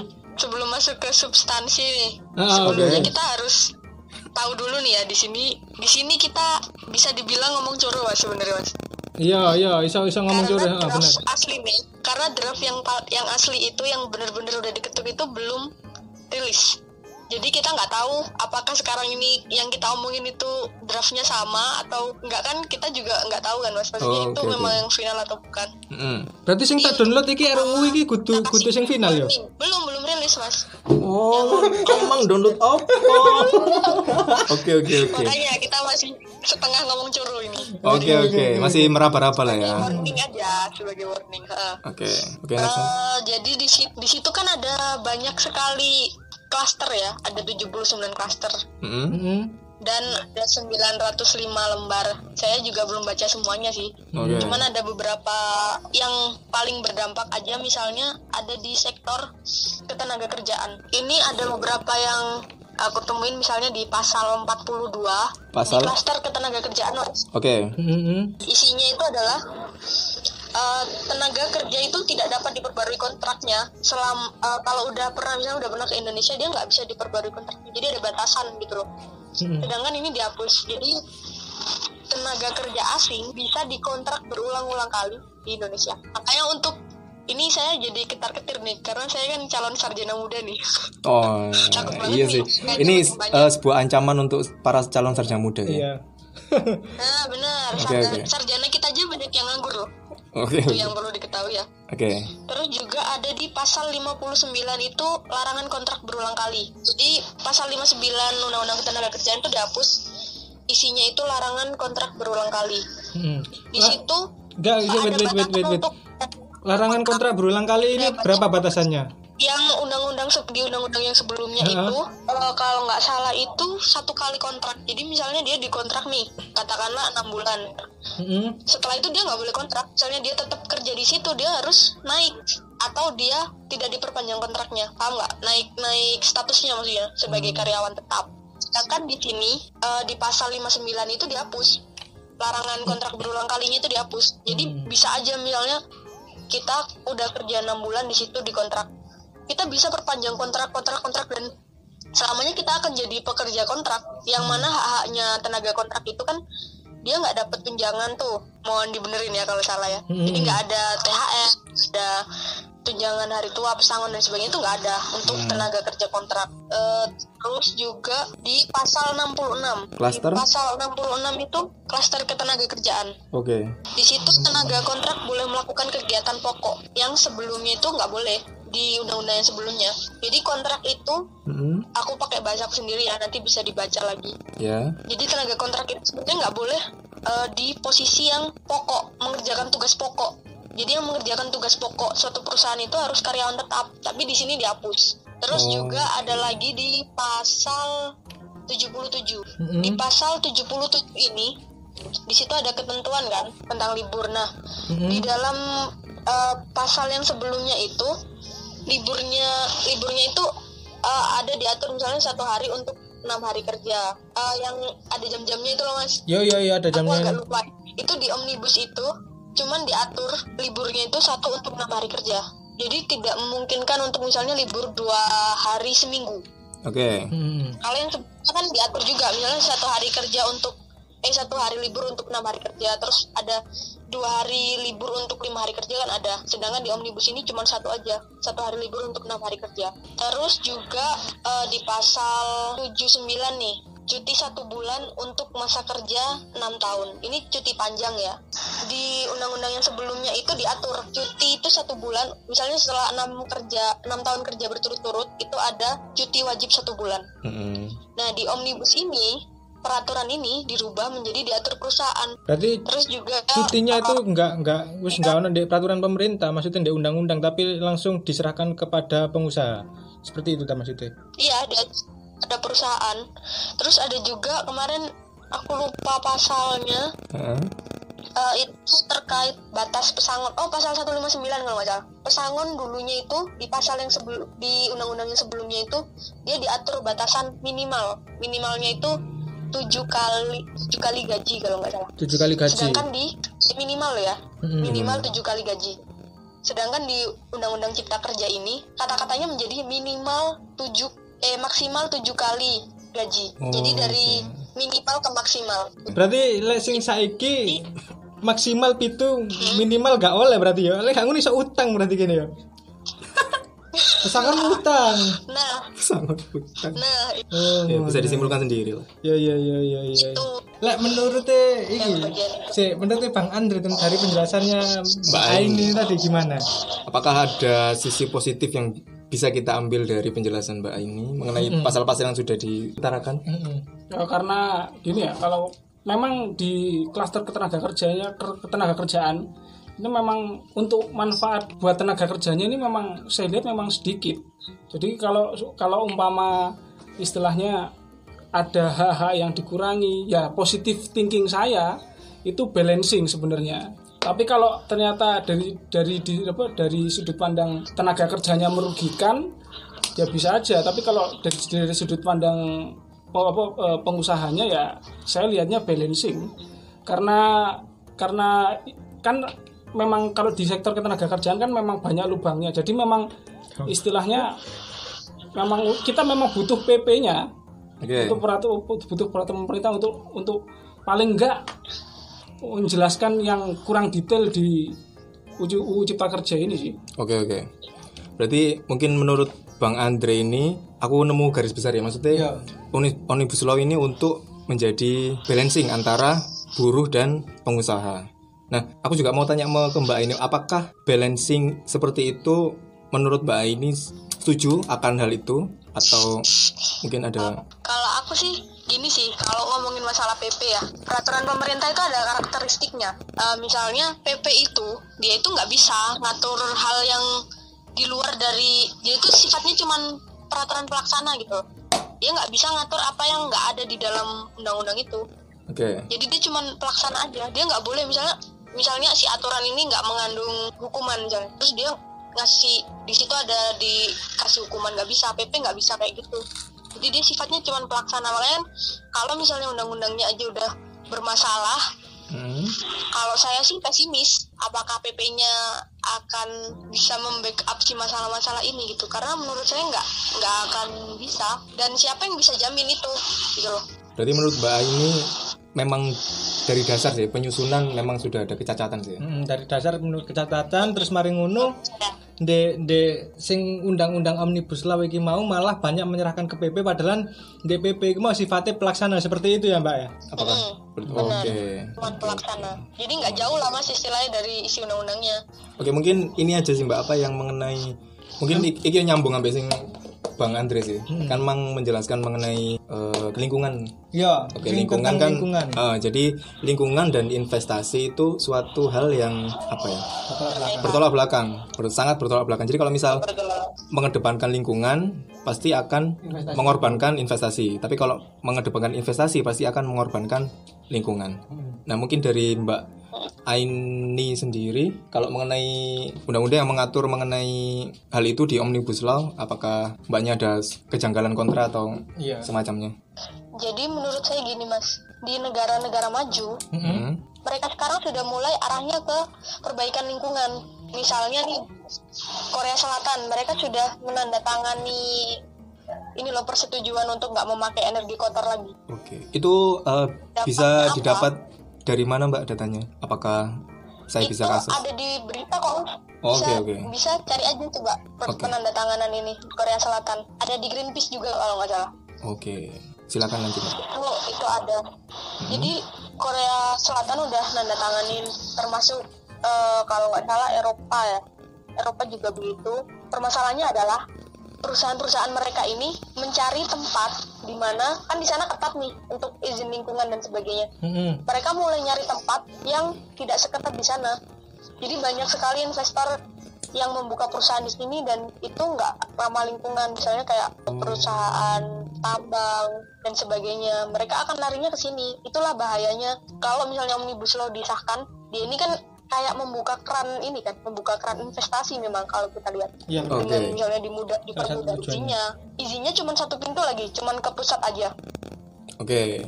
ini nanti akan menimbulkan potensi misalnya kayak apakah pusat bisa tahu misalnya di Kalimantan nih Mm-mm. kan pusat nggak tahu kondisi Kalimantan kondisi Papua dan sebagainya tiba-tiba ada izin masuk nih mau bikin perusahaan di Kalimantan Eh, apakah pemerintah bisa menghandle itu apakah pemerintah tahu apa yang dibutuhkan orang sana Oke, oke. kayak gitu. Terus juga kalau nggak salah tuh untuk analisis dampak lingkungan juga bukan jadi prasyarat lagi sekarang. Itu ada di per, apa ya? Aku nggak lupa deh. Lingkungan hidup PPLH kalau nggak salah Oke, oke, Mbak. ada di klaster itu. Jadi itu itu ada dihapuskan digantikan dengan PP peraturan pemerintah. Kembalinya ke yang pembahasan kita tadi gitu loh. Oke. Jadi menurut saya kita nanti cuman bakalan jadi korban gitu loh. Uangnya tetap lari ke luar negeri, kita yang menanggung kerusakan lingkungan. Sedangkan kerusakan lingkungan itu nggak bisa dikembaliin loh dalam waktu dekat. Minimal eh, misalnya kita mau kembaliin kayak di Kalimantan yang udah dijadiin sawit, untuk mengembalikan ekosistemnya itu butuh 100 tahun kira-kira segitu dan butuh biaya yang banyak. Oke. Jadi kita sebenarnya untung apa buat masyarakat loh ya? Oke. gitu kita sebenarnya untuk apa Oke, kalau mungkin eh, mengenai itu, mungkin kan kita sudah dijelaskan sama Bang Andri juga tadi mengenai kalau misal eh, investor itu banyak ke Indonesia, pembangunan pembangunan perusahaan, pembangunan pabrik-pabrik di Indonesia itu banyak dari luar negeri. Hmm. Eh, nilai plusnya adalah membuka lapangan pekerjaan baru. Nilai plusnya mungkin juga menyelamatkan yang kata tadi apa sarjana-sarjana muda itu akan lebih mudah mendapatkan lapangan pekerjaan baru. Nah, kalau menurut Mbak Aini ini apakah pembukaan lapangan pekerja baru yang positifnya itu apakah sebanding dengan kerusakan kerusakan lingkungan? Jadi menurut Mbak Aini ini lebih baik mana? Tapi apakah kalau misal Mbak Aini memang masih kontra, apakah untuk menanggulangi pengangguran dari sarjana muda, apakah mungkin Mbak Aini dari sebuah opini Mbak Aini, apakah ada solusi solusi dari itu? Iya sebenarnya hal yang paling baik nih Mm-mm. kita kembali ke alam kan. Hmm. Misalnya Indonesia dulu adalah negara agraris gitu. Sedangkan di undang-undang kita balik lagi ya ke undang-undang cipta kerja ini, Mhm. sekarang petani itu perlindungan untuk lahan produktif itu dihapuskan. Oke. Gitu loh. Itu kan ada ada pembatasan nih. Misalnya harus ada berapa per- lahan produktif ini, misalnya lahan pro- produktif itu nggak bisa dialih fungsikan untuk per- pertanian ya produktif pertanian itu nggak bisa dialih fungsikan. Sekarang payung hukum untuk itu nggak ada. Terus juga misalnya terkait benih impor, itu itu akan lebih mudah masuk ke Indonesia. Jadi itu akan beresiko sekali untuk menghilangkan jati diri kita gitu loh. Kita biasanya nanam apa jadi nanam apa. Menurut saya kenapa kita nggak maksimalkan potensi kita gitu. Kita punya alam yang kayak gini misalnya Hmm, kita masih bisa kok misalnya mengejar ke arah mandiri pangan atau ke mana kan nggak harus semua orang jadi buruh mendorong UMKM kayak gitu Ah, oke. bisa hal-hal semacam itu dilakukan kan Mm. harus kita mengorban mempertaruhkan lah gitu Iya, iya, mempertaruhkan oke, alam oke. kita Iya, iya. Berarti memang lapangan pekerjaan menurut Mbak Aini bukan bukan jadi buruh sih. bukan melulu tentang buruh dan bukan melulu tentang bagaimana memperluas investasi di Indonesia ya menurut menurut Mbak ini benar Nah, tapi memang menjadikan UMKM itu sebagai kita mandiri sendiri tanpa ngikut orang jadi buruh. Aku sebenarnya terpancing Oke. tentang iki sih Apa, apa, pernyataan sing tadi tentang lingkungan. Tadi emang di omnibus law menyebutkan bahwasanya lingkungan apa persyaratan izin lingkungan apa yang tadi? Sorry sorry sorry. Ya amdal itu dia dihapuskan gitu ya. Nah bukan menjadi ini mas. Bukan menjadi- prasyarat utama. bukan menjadi syarat utama. Nah iki sih wait. Uh, aku lupa pasalnya. Hmm, soalnya ini tadi aku mendapatkan penjelasan dari Mas Andri, tapi ini biar Mas Andri saja menjelaskan yang tentang AMDAL. Mas Andri coba jelaskan tentang AMDALnya. Oke. tentang AMDAL ya Mm-mm. Eh, AMDAL itu nanti ada hubungannya sama izin usaha kalau nggak salah Mm-mm. itu ada di mau dikoreksi nanti kali ya di bab 3 tentang peningkatan ekosistem investasi dan kegiatan usaha Oke. Eh, tadi kalau kalau dibilang kan eh, ini ini sebelum masuk ke AMDAL ya Hmm. Eh, untuk izin usaha itu kita pakai istilahnya apa ya istilahnya? Eh, baru sih ini sistemnya. Itu izin usaha berbasis resiko yang di mana resikonya itu dibagi dua ada tingkat bahaya dan tingkat pot, tingkat potensi. Nanti kan ada ada banyak tuh faktor-faktornya. Ada kesehatan ada kese- keselamatan lingkungan dan SDM untuk izin usaha yang berisiko rendah itu kita pakai NIB istilahnya daftar aja lah di OSS atau uh, online single submission Uh, untuk yang usaha risiko menengah itu ada di uh, pusat izinnya dan yang dikeluarkan bentuknya ada sertifikat standar untuk yang usaha risiko tinggi ini baru butuh izin dan NIB. Nah, yang keluarkan juga pusat. Nah, untuk terkait AMDAL ini sepertinya kalau saya lihat sih nggak dihapus dan tetap ada. Em- emang dia tadi nggak nggak dihapus tapi bukan menjadi syarat utama. Oh, itu belum jadi satu lama ya. Oh, kalau- Kalau saya lihat sih izin lingkungan itu diintegra- eh, diintegrasikan ke dalam perizinan berusaha. Terus prosesnya dibuat jadi lebih sederhana sehingga waktu biaya dan dibutuhkan itu kayak bisa lebih efisien. Oke. Ya menurut saya sih gitu. Eh, kalau tadi katakan eh, AMDAL men- eh, apakah menjadi prasyarat atau tidak? Hmm. Itu sepertinya AMDAL masuk dan termuat di perizinan per- perizinan berusaha atau persetujuan dari pemerintah. Jadi menurut saya sih masih masih sih. Jadi Masih, Am- Mas. AMDAL masih menjadi persyaratan pengambilan keputusan untuk usaha atau kegiatan. Tapi Itu kalau yang saya lihat loh, yang di bab 3. tapi bukan yang utama gitu. Iya, bukan yang utama. Oke. Berarti berarti kalau menurut Mas Andri ini mem- emang AMDAL iki tetap ada tapi memang bukan utama. Bukan utama. Ya Mbak ini. Ya sama nanti kita dapat benang merah sih. Hmm. Emang seperti itu. Tapi ya aku berarti urgensitasnya ketika amdal iki nggak ada, iku apa? Nggak aku pengen terus sebenarnya ketika amdal iki memang nggak jadi syarat utama atau menjadi syarat utama itu sebenarnya dampaknya di sebelah mana sih?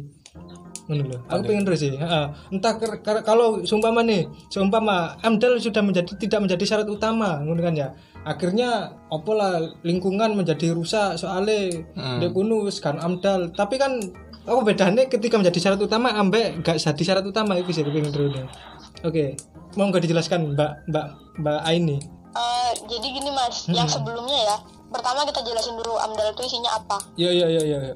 AMDAL itu dibuat oleh apa istilahnya kayak badan yang independen gitu loh. Iya, Jadi dia nanti nilai. Hmm. Misalnya ini mau dibikin perusahaan di daerah sini nih. Ini ngancem nggak? Misalnya nanti dia ada kan ada potensinya nih. Misalnya limbah ini diolahnya seperti apa? Kayak gitu isinya AMDAL. Jadi kayak misalnya kalau sawit misalnya dia ada di ada di tempat lahan yang beresiko nggak misalnya banyak ekosistem nggak di situ banyak Hmm. hewan langka apa enggak di situ semacam itu isinya amdal itu kalau misalnya jadi si amdal ini nanti akan merekomendasikan Hmm, ini dia lolos apa enggak kayak gitu kan hmm. dan itu syarat utama membuat usaha kalau dulu ya Kalau dulu. Oke. dulu Hmm, Oke oke siap. Berarti ketika dilama yang dilama itu ketika ada amdal berarti kan maksudnya apa perusahaan X iki nanti ketika membangun usahanya itu memperhatikan tentang lingkungan dan ekosistem begitu ya?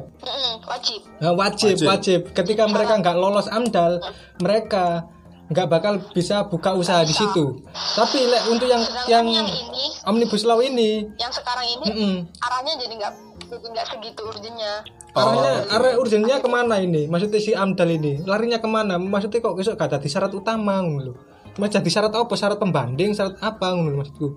Lek maksudnya lek encene amdal gak kanggo, ya wis gak usah ngono lho maksudku. Sumpamane, sumpamane amdal tetep kanggo lek menurutku. Lah iki lapo kok. Apa tadi apa tadi apa? gini loh kalau dulu tuh dia jadi misalnya nih syaratnya untuk daftar akpol misalnya Hmm, harus oke. 175 loh Mm-mm. Oke.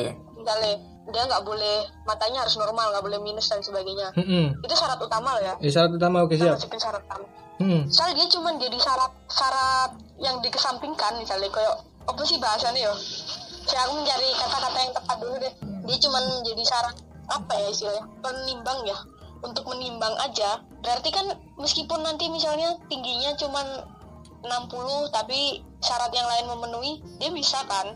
Hmm. ngerti nggak maksudnya? Dia tetap bisa jadi visi gitu. Jadi bukan syarat utama. Nah sedangkan dampak lingkungan ini nggak bisa kita kesampingkan seperti itu. Oke. Oke. kalau menurutku Berarti berarti dalam tanda kutip ya menurut saya pribadi sekarang amdal gak kanggo lah. Kasarane ngono. Heeh. bisa jadi mas Iya sih. Lah menurutku encene lek dari penjelasannya Mbak Aini amdal gak kanggo. Bener lek menurutku encene dari penjelasan iki mau berarti amdal gak kanggo tapi boleh menurutnya Bang Bang Andre. Bang Andre. Apakah amdal memang gak kanggo atau lek encene lek aku kontra emang gak kanggo amdal gara-gara omnibus law. Iya.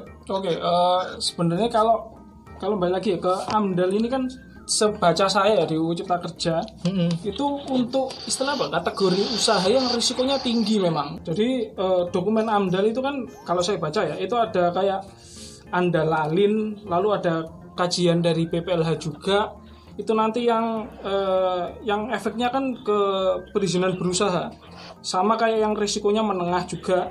Makanya kalau istilahnya sebenarnya penting cuman ya memang memang bukan utama. Utamanya memang yang resikonya tadi penilaian resiko terhadap izin usahanya itu. Penilaian soalnya kan resiko. resikonya kan dibagi dua nih. Ada tingkat bahaya ada potensi bahaya.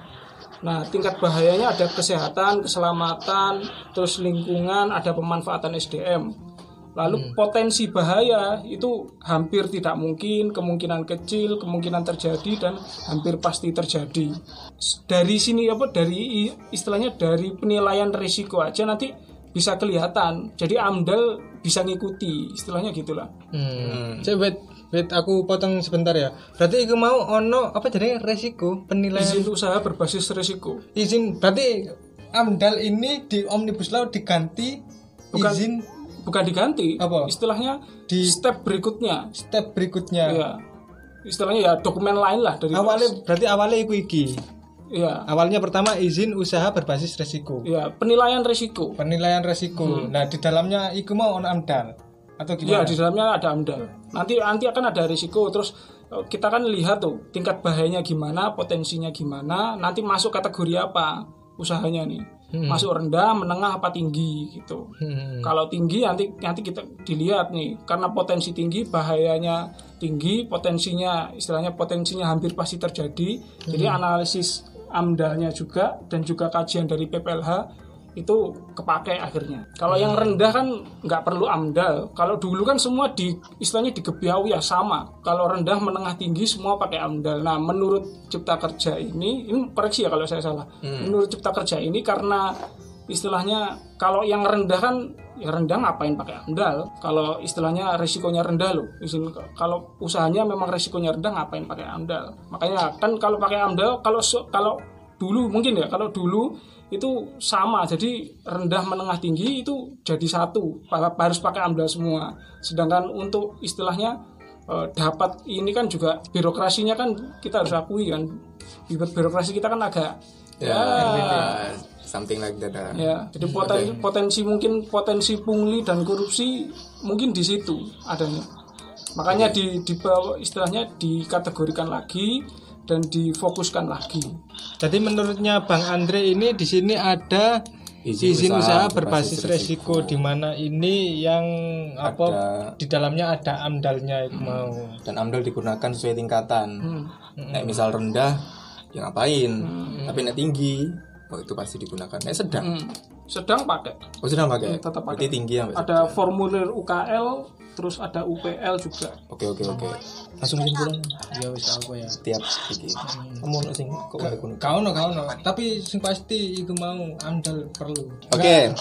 Kita sekarang sudah memasuki sesi, akhir. Mm, jadi mungkin dari Mbak Aini apa ya kesimpulannya terus mungkin ada yang mau disampaikan mungkin Iya, solusi-solusi atau iya dari ben opininya Heeh. maksudnya tindak lanjut atas omnibus law ini kalau menurut menurut Mbak Aini ini gimana? harus seperti apa Heeh.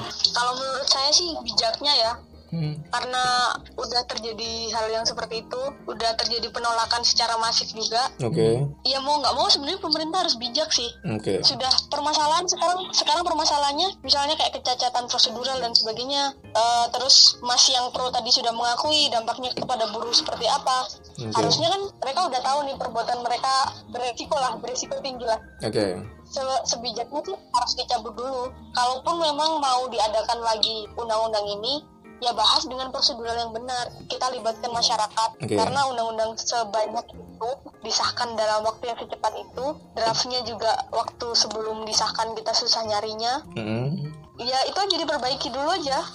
Oke, jadi mungkin fokus dari Mbak Aini perbaikan prosedural ya. Omnibus law ini tetap kudu ditarik teko masyarakat. Ini juga. Oke oke oke. Mana cok kayak ini dulu cok. Terus ngantuk ya. Oke. Oke. Berarti dari Mbak Aini ini tadi untuk omnibus law-nya harusnya dicabut gitu ya Mbak Aini ya, dibatalkan. Ya menurut saya. Harus Oke. pemerintah harus lebih bijak. Lebih bijak dalam menyikapi Masyarakat. untuk pemerintah karena ini memang demo sudah di ubun-ubun. Temenan nih Oke oke oke. Oke. Oke mungkin Mbak Aini apakah sudah apakah ada yang mau sampaikan apakah lagi? ada yang tambahan informasi atau ingin yang disampaikan kepada para pendengar? para Asik. pendengar sampah masyarakat yang kemarin masih 47? Gak jadi omong. Oke Mbak, silakan Mbak. Lumayan kok mas, lumayan. lumayan. Oke oke. Tambahan sedikit aja lah. Ya, Oke, ya. monggo monggo. Ini untuk masyarakat ya. Oke. Untuk masyarakat jumlah pengusaha sama jumlah buruh tuh di Indonesia mau nggak mau kita pungkiri tuh banyakkan buruh. Oke. Kalian mau memihak siapa? Keuntungan pengusaha apa buruh? Itu aja sih. Poin kalian kalian nanti ke depannya ke depannya kemungkinan lebih jadi apa? Lebih jadi investor apa lebih jadi buruh? Semua ini akan berdampak ke kalian. Jadi mendingan meskipun nggak bisa baca draftnya, nggak bisa caranya baca, nggak ngerti, usahakan ya tahulah sedikit-sedikit minimal ngerti lah apa yang berdampak buat diri kita sendiri kayak gitu Oke. jadi supaya ya kalian nggak menggadaikan masa depan kalian itu aja sih Oke, tidak menggadaikan masa depan kalian. Oke, mantap sekali. Pesan dari Mbak Aini untuk masyarakat. Ah, ini 2020. Hehehe, Gerung coblosan lagi. Oke oke, terima kasih Mbak ini atas waktunya. Iya atas waktunya terima kasih Mbak Aini atas waktunya and I say thank you for apa informasinya ya. Iya, thank you very very much. Thank you very very much. Ya goodbye. Ya, ya, terima kasih Mbak Aini. Terima kasih banyak ya. Ya, yo. sama oke. Aku mau sing kontra emang amazing sih menurutku emang iku perlu banget kontra iku perlu banget Jadi emang dari ya. sisi ini kontra di- dijelaskan menurut menurutku masuk akal Mm-mm. tadi menurutku buruh tertindas banget sih Ah. atas omnibus law iki mau Nah, Emang Mbak ini ku gak sekedar kontra koyo wong-wong sing wah Ya, demo kayak demo gini, demo ya. Ayo demo demo. Gak sih, cuma dia ku kontra tapi berdasarkan fakta ilmiah terus mungkin dia ngeriset-ngeriset dhewe ku sing ngarai kita menunjuk Mbak ini sebagai narasumber kita. Aku- terima kasih untuk Mbak ini Ya. salam sejahtera untuk perjuangan Hidup korban. kamu korban Oke, sekarang dari Bang Andre. Mm-mm. Apakah Bang Andre ada satu dua patah kata untuk Iya. disampaikan? Mm-mm. untuk omnibus law ini Oh, sebenarnya kalau mau setuju atau tidak setuju terkait omnibus law ini ya karena kita negara demokrasi kan seharusnya fine fine aja. Memang memang memang harus gitu kan. Mm-mm. Kalau ada setuju kenapa? Kalau nggak setuju kenapa? benar sekali. Nah untuk untuk teman-teman yang nggak setuju kan jadi pertanyaan nih, apakah UU Undang-Undang Cipta Kerja ini bisa dibatalkan? Nah setelah sejauh yang saya tahu itu caranya hanya dua teman-teman, yaitu lewat Perpu dan juga lewat judicial review di MK. Nah untuk syarat pengeluaran Perpu itu yang mengeluarkan adalah Bapak Presiden. Oke. Nah, ketika dikeluarkannya Perpu nanti itu otomatis mem- istilahnya membatalkan eh, UU Cipta Kerja ini. Tapi masalahnya pe- untuk pengeluaran Perpu ini harus menyetuju, eh, harus dapat persetujuan dari DPR. Ini yang sulit. Nah, ketika kan kan kemarin habis disahkan, masa Perpu untuk menolak yang yang baru disahkan juga disahkan juga. Ya. Kan juga kontradiktif. Kong. Kali kong. kok kali kali Kali, kong- Gak masuk akal lagi.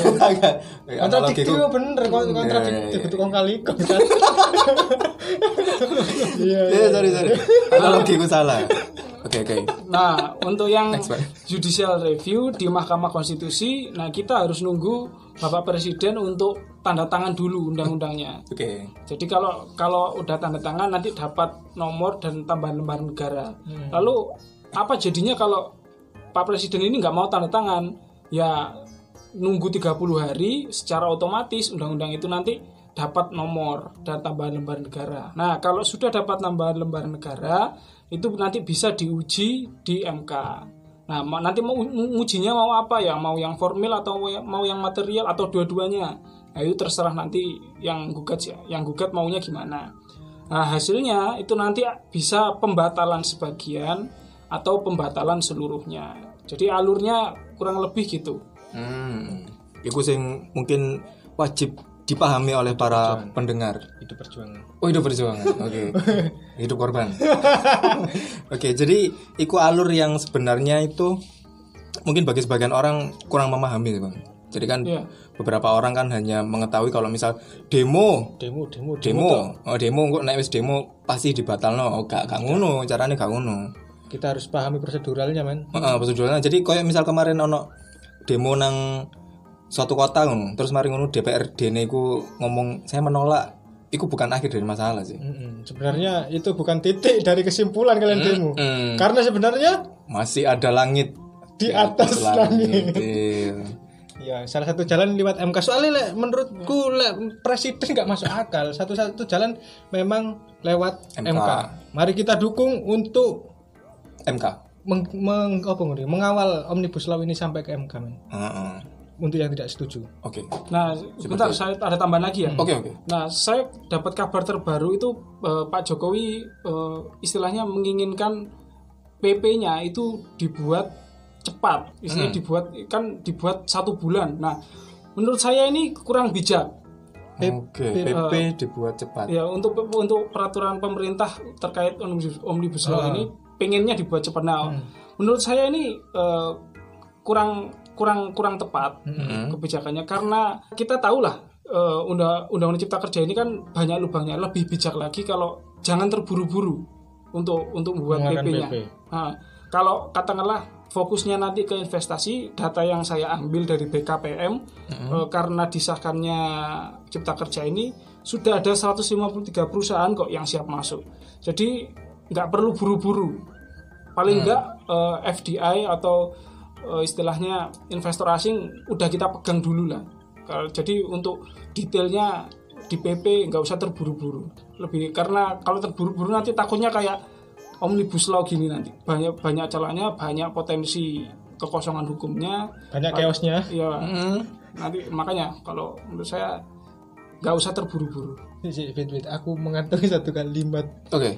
Ono 123 investor 153. sudah 153 Eh, mengantri menanam investasinya di Indonesia. Iya. Setelah ada omnibus law. ya Oke. Ternyata berdampak seperti itu di luar negeri. Dari luar negeri ono 153. Iki kemarin untuk iya 153 iki lancane bener-bener omnibus law gak dicabut. Apakah mereka mematuhi tentang peraturan-peraturan iki mau? Hmm. Itu sih itu paling bahaya mana 153 apakah mereka benar-benar investor baik atau investor bangsat? Mm-mm. Kita masih belum tahu. Yo eh. Nanti kalau mereka sudah masuk, Ternyata mereka bangsat kita kecelup-celup. kita. kita siap roasting. Tapi apakah sih, sih pertanyaan terakhir sih. Ndek, Kan ini ono investor masuk. Ono enggak sih seleksi nih investor masuk? oh tentu kita? ada dong Oke. itu itu nanti ya ada di undang-undang di penanaman modal itu banyak Oke. diseleksinya gimana Iya, tapi emang kudu diseleksi sih. Iya, Masuk anggar melebu. Soalnya kan iki mau sing lek wis mlebu salah sini amdale wis gak dadi syarat utama, Cuk. Hmm, hmm. Mari ngono burune wis dikurangi beberapa HE soalnya ini kan lebih menggiring berpihak ke iki Pengusaha, invest- investor. pengusaha HE. Soalnya beberapa hak burune kudu dibanding sampai ben podo. Hmm. Nah, iki lek kene iki mau amdal dikurangi kene ini tidak soro sih, Cuk. Tapi Iya kita berdoa agar tidak seperti itu, Cuk. Iya. Ya, seperti itu. Mm-mm. Oke, wis tamat Cuk aku, Cuk. Wis, Mari. Mana? Bang, kan tambahan mana, Bang? Mungkin ada lagi, Bang. ya saya tetap tetap berdoa ya positif kalau eh, adanya istilahnya penarikan investasi ini kita juga pengen lah teman-teman kita yang belum dapat kerja ini juga dapat kerja yang nanti untuk juga mengurangi kemiskinan kita di Indonesia karena dampak pandemi ini bener-bener berat banget untuk kita Iya. teman-teman kita yang dulunya dapat kerja istilahnya ya yang yang yang masih masih ya di atas angin lah karena karena dampak pandemi kan juga akhirnya banyak yang kena PHK banyak yang perusahaannya pilot atau eh, banyak yang bangkrut juga ya kita kita ju- juga pengen berdoa yang terbaik lah untuk Indonesia Hmm. Iya. Kita juga Berdoa berdoa yang terbaik Mm. untuk untuk masyarakat Indonesia. ya untuk masyarakat dan diri kita sendiri. Iya, terutama kamu, Keselamatan kita. terutama saya, karena kita ada di tag gitu nama, kita mencari caci maki. Aduh, aduh, aduh, aduh. Itu sih. Jadi poin pentingnya Omnibus Law ini tidak hanya kontra-kontra tok sing negatif sing garai menyulutkan semua emosi masyarakat enggak, tapi ternyata ada sisi positifnya juga. Tergantung kalian menganalisa dari mana. Yo, iya. Iya kan? Seperti itu teman-teman. Yaudah, wis mari kan ya. Hari. Ya itu itu saja dari kami sampai masyarakat. Terima kasih buat Bang sudah datang. Ya terima kasih untuk Mbak ini juga. Iya, untuk Bang Andre mungkin mau mencantumkan akun Instagram. boleh boleh Oke, Bang Andre bisa ditemukan di Instagram Dengan ID at Andre Zain Anderzen. A N D R E Z A N D R Z H E I N Oke, nanti bisa kita Tag. tulis di deskripsi podcast. Podcast kita. Oke. Seperti itu. Terima kasih Bang Andre sudah datang membagikan terima kasih. ilmunya, membagikan pengalamannya juga bekerja di bidang hukum. Kita sama terima kasih sekali. Sampai jumpa di episode selanjutnya. di podcast Sampah Masyarakat. Kami